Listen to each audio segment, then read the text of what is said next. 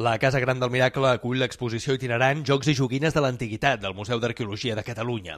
Aquí al Solsonès, però, l'han ampliat amb peces de collita pròpia i han afegit una setantena d'objectes de finals del segle XIX fins a mitjans del XX la il·lusió dels nens quan anaven a dalt a les golfes, a les masies, i obrien la maleta aquella on havien guardat contes, o havien guardat de joguines, o havien guardat coses.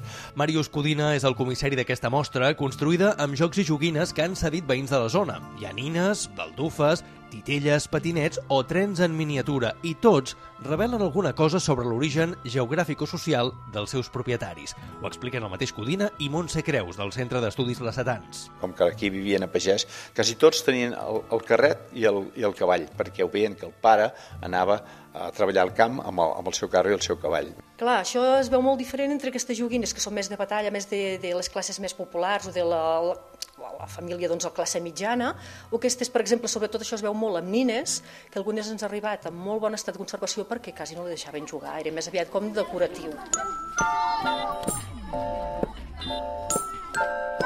La mostra també evidencia la segregació de les joguines per raó de sexe que es va accentuar durant el franquisme.